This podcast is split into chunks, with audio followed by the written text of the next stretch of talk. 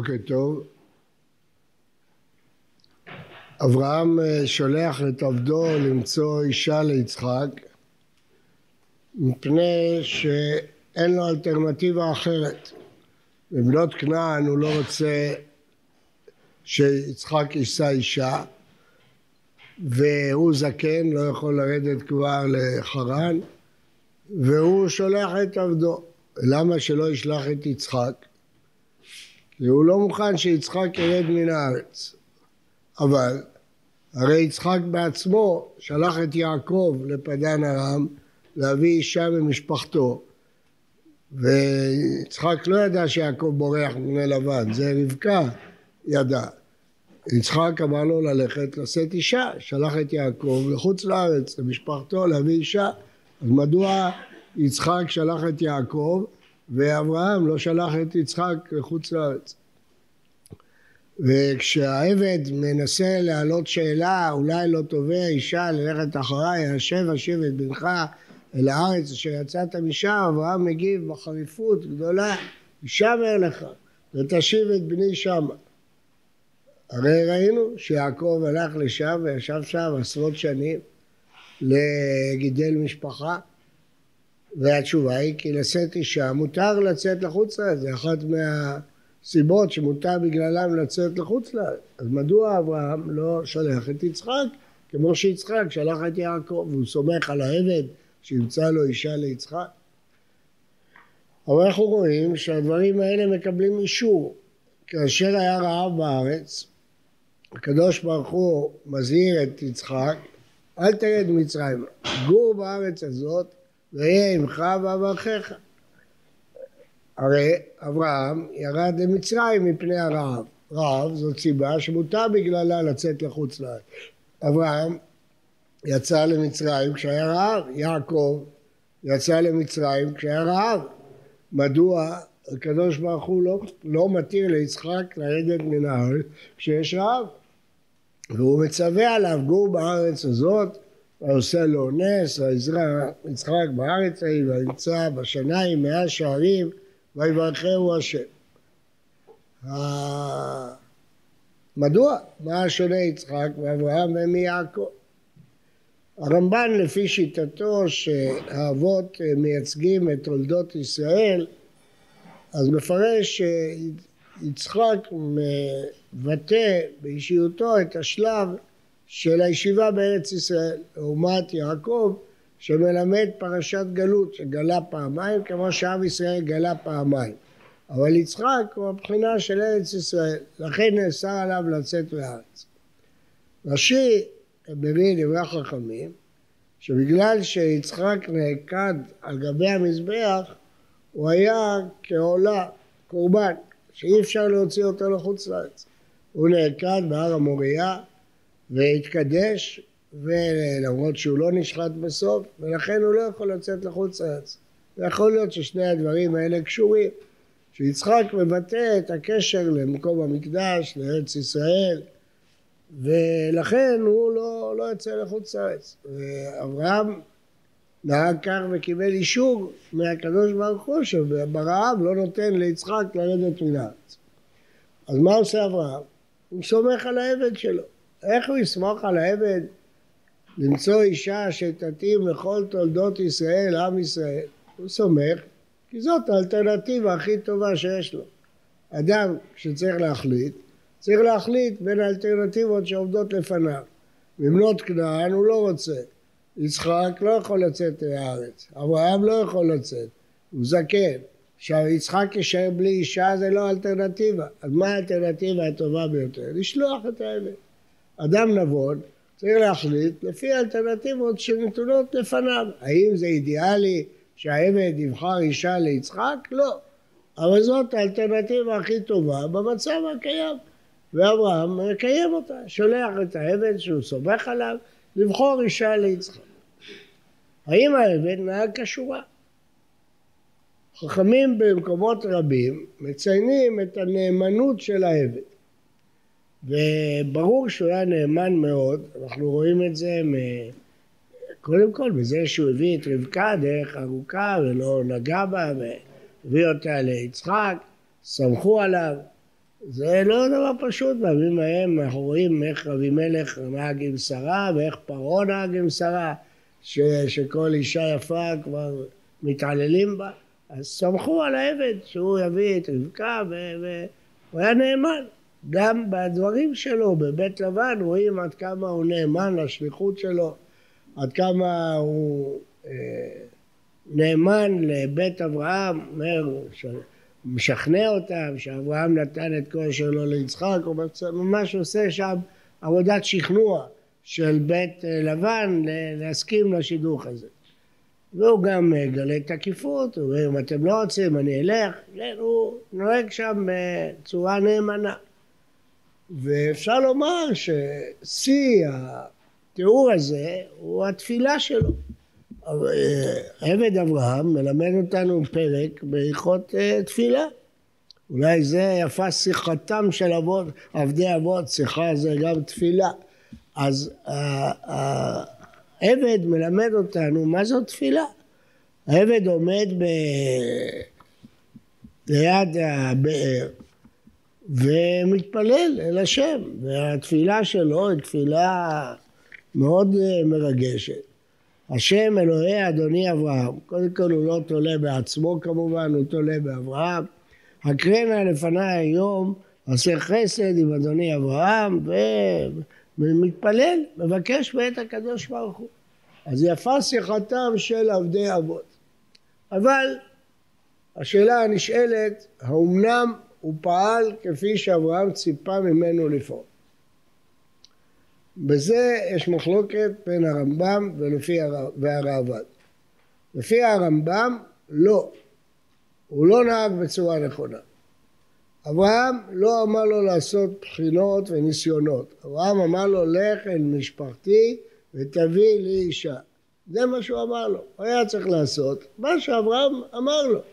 אנחנו מוצאים אצל יעקב, יעקב הולך לבאר, שואל את הרועים, הידעתם את לבן? אתם מכירים את לבן? אמרו לו, כן, הנה, רחל ביתו באה עם הצאן. ידענו. עבד אברהם, כשהגיע לבאר, היה צריך לשאול אותו דבר, מישהו פה מכיר את בתואל? אתם מכירים אותו? יגידו לו, כן, תראו לי איפה הוא גר, ילך אליו ויחפש שם נערה שמתאימה ליצחק, זה מה שביקש ממנו אברהם. אבל העבד לא עושה כך. מה הוא עושה? הוא עושה לו איזה נחש, איזה בדיקה. אני אגיד ככה, הנערה שתגיד ככה, אותה הוכחת לאדוני ליצחק. זה נחש. הוא תולה את התוצאה במה שהניחוש הזה יקרה. אומר הרמב"ם, שמי שעושה כך, זה עובד עבודה זרה.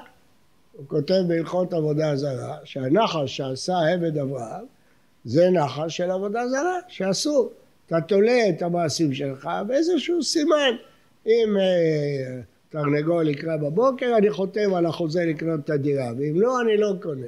אגב, דבר שהרבה מאוד אנשים עושים, בלי משים, זה עבודה זרה. זה אסור לעשות, אסור לך לתלות דבר בנחש. אם יקרה ככה, סימן שזאת, אה, שידוך הזה מתאים לי, ואם לא, זה לא מתאים לי. זה נחש שהוא אסור, זה להיות עבודה זרה.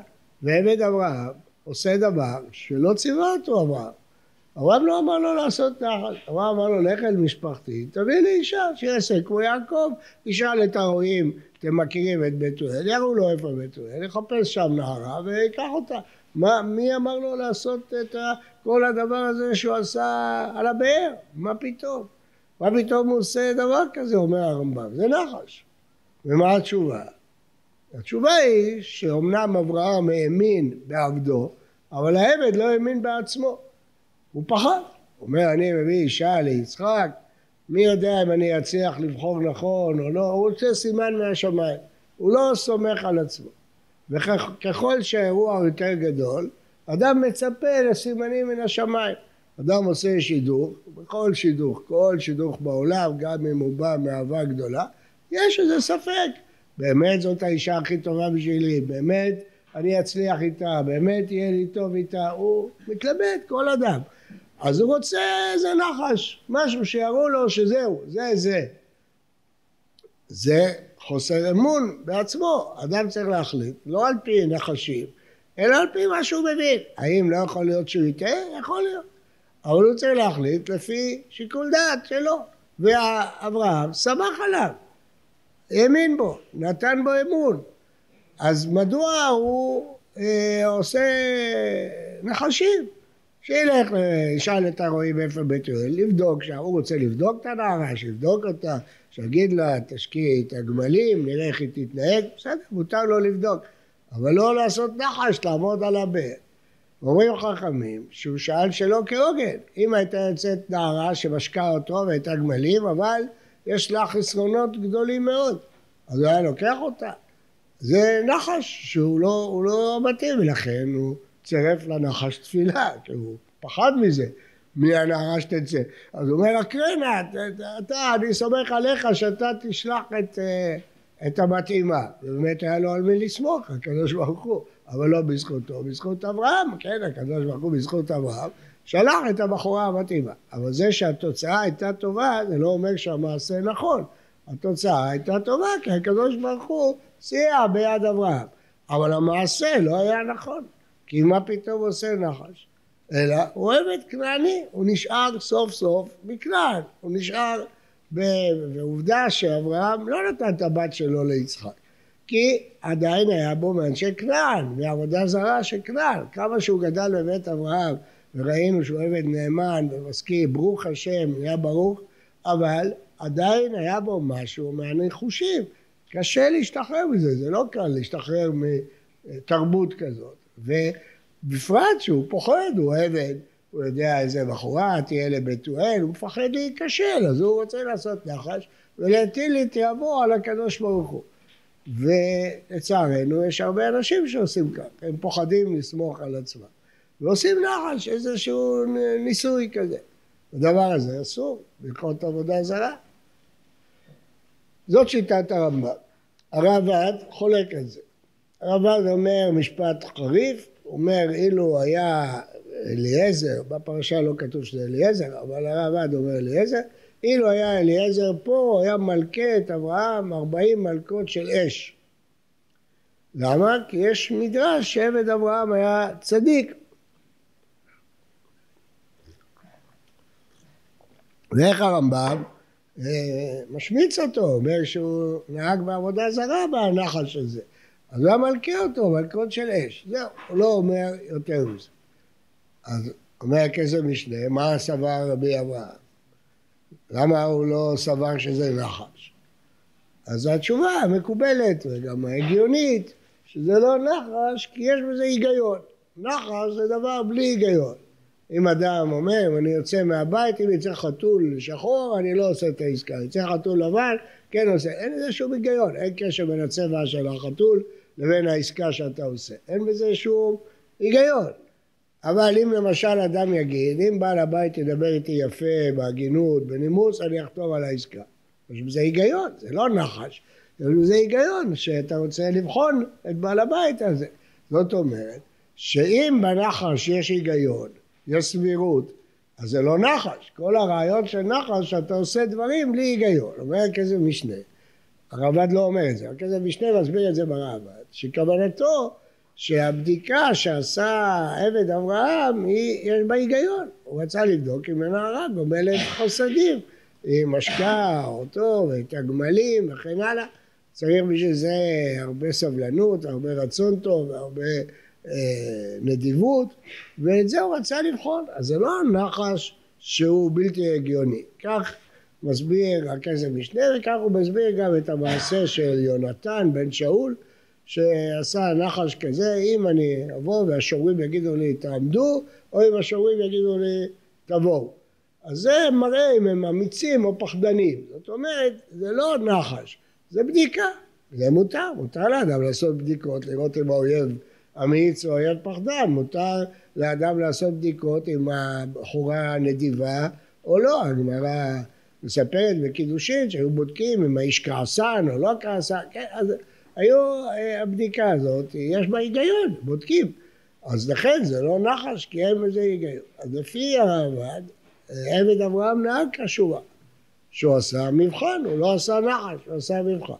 לפי הרמב"ם, לא, הוא לא נהג כשורה, הוא נהג נחש. בגמרות יש לכאן ולכאן. השיטה של הרמב"ם היא אה, מחמירה מנחש. עכשיו, אה, אני הוספתי לכם ממד שהם לא דיברו עליו, והוא שזה לא מה שאברהם אמר לו. אם הוא עבד נאמן, אז שיקיים את השליחות שלו כפי שהיא ניתנה לו. למה הוא מוסיף דברים שלא ניתנו לו? אברהם לא אמר לו לבקש, ולא אמר לו להתפלל, ולא אמר לו לעשות סימנים. אברהם ציווה עליו ללכת למשפחתו. וראיתי לכם שיעקב עשה את זה כך. הלך ושאל איפה המשפחה ומצא שם את רחל. הוא לא עשה לו סימנים ולא עשה לו מבחנים וכדומה. הרי זה מה שאברהם אמר לעבד, תלך אל משפחתי. אז, אז אברהם יודע, אולי העבד הזה יטעה ובבחורה לא מתאימה. אבל הוא סומך עליו, זה מה שיש, הוא סומך עליו. זו השירות היחידה שעומדת בפניו. אז אברהם נתן בו אמון שהוא יצליח למצוא מבנות בתואל את הכלה המתאימה. והעבד לא סמך על עצמו, הוא פחד. והוא פחד ולכן תלה את יעבור בנחש. אז בדרך כלל אלה שתולים בנחשים זה מתוך פחד. הפחד נובע, אולי אני טועה. והתשובה היא, נכון, אולי אתה טועה. יכול להיות. יכול להיות שאתה טועה. אתה יכול להתפלל להשם, שינחה אותך בדרך הנכונה. זה שהעבד יתפלל, זה בסדר.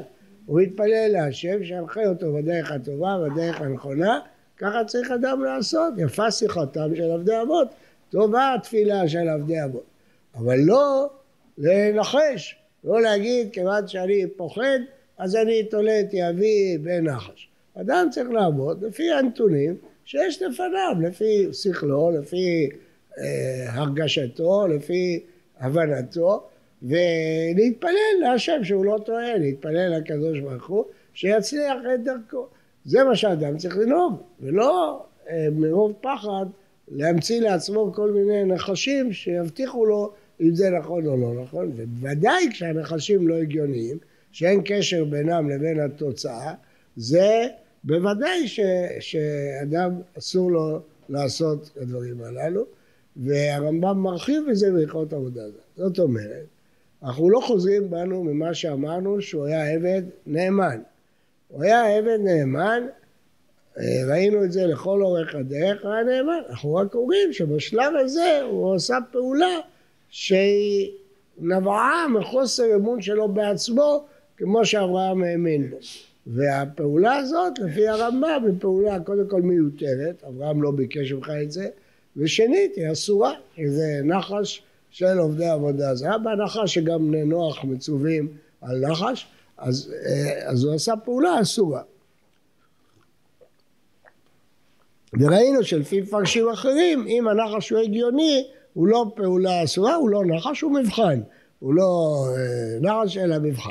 למה זה לא כל כך טוב? כי אילו היה עושה בדיקה, אז יש עוד בדיקות, אבל אתה תולה את הכל בדבר הזה. אומרים חז"ל, ואם תהיה סומה או חיגנת, או אם יהיה בעיות אחרות, שהיא משקה אותו ואת הגמלים, יש לה בעיות אחרות. איך אתה תולה את כל יהבך רק על הנקודה הזאת, אז גם אם הנקודה הזאת היא הגיונית, אתה לא יכול לתלות את כל יהבך בנקודה אחת, זה כבר מערער את העניין שזה בחינה או בחינה, זה כאשר אתה עושה מכלול של אה, שיקולים. בכל אופן, אה, אה, אנחנו לומדים מכאן שאברהם נקט את האלטרנטיבה היחידה שהייתה לפניו, לתת אמון בעבד. העבד היה ראוי שייתנו בו אמון, בהחלט, וזה שאומרים שהוא צדיק, יש לזה אסמכתאות גדולות מן הכתוב.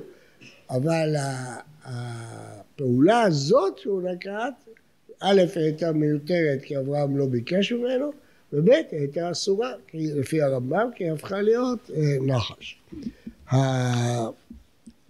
החכמים עד כדי כך אה, משבחים את העבד, שאומרים שהוא עבר מארור לברוך. איפה הוא עבר מארור לברוך? כאשר אה, אה, לבן אומר לו,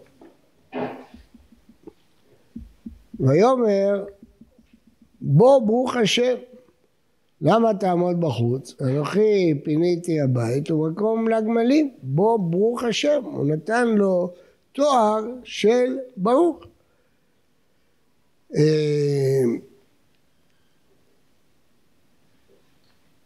הרב נריה, הרב משה צינריה, זיכרונו לברכה, אה, קראתי בספרו הערה יפה, שהוא אומר, אה, מתי הוא אמר לו בו ברוך השם? כשכתוב, ויקוד האיש וישתחו להשם, ויאמר ברוך השם אלוהי אדוני אברהם אשר לא עזב חסדו ואמיתו ומעים אדוני. אנוכי בדרך לכני השם בית אחי, אחי אדוני. אומר הרב נריה שכל עוד הוא כל הזמן אומר מה שאברהם אמר לו, הוא עדיין עבד. פה אנחנו רואים את העבד כאישיות עצמאית. הוא פתאום אומר, ברוך השם שהצלחתי, שהשם נחה אותי, ברוך אלעבר, פתאום מתבטא באופן אישי, באופן עצמאי. אומר הרב נריה, אז הוא זכה לתואר ברוך השם. למה העבד ערוך? כי אין לו שום דבר משלו. הוא כל הזמן תלוי באדון שלו, הוא כל הזמן מצטט את האדון שלו, אומר אדוני, אדוני, אדוני.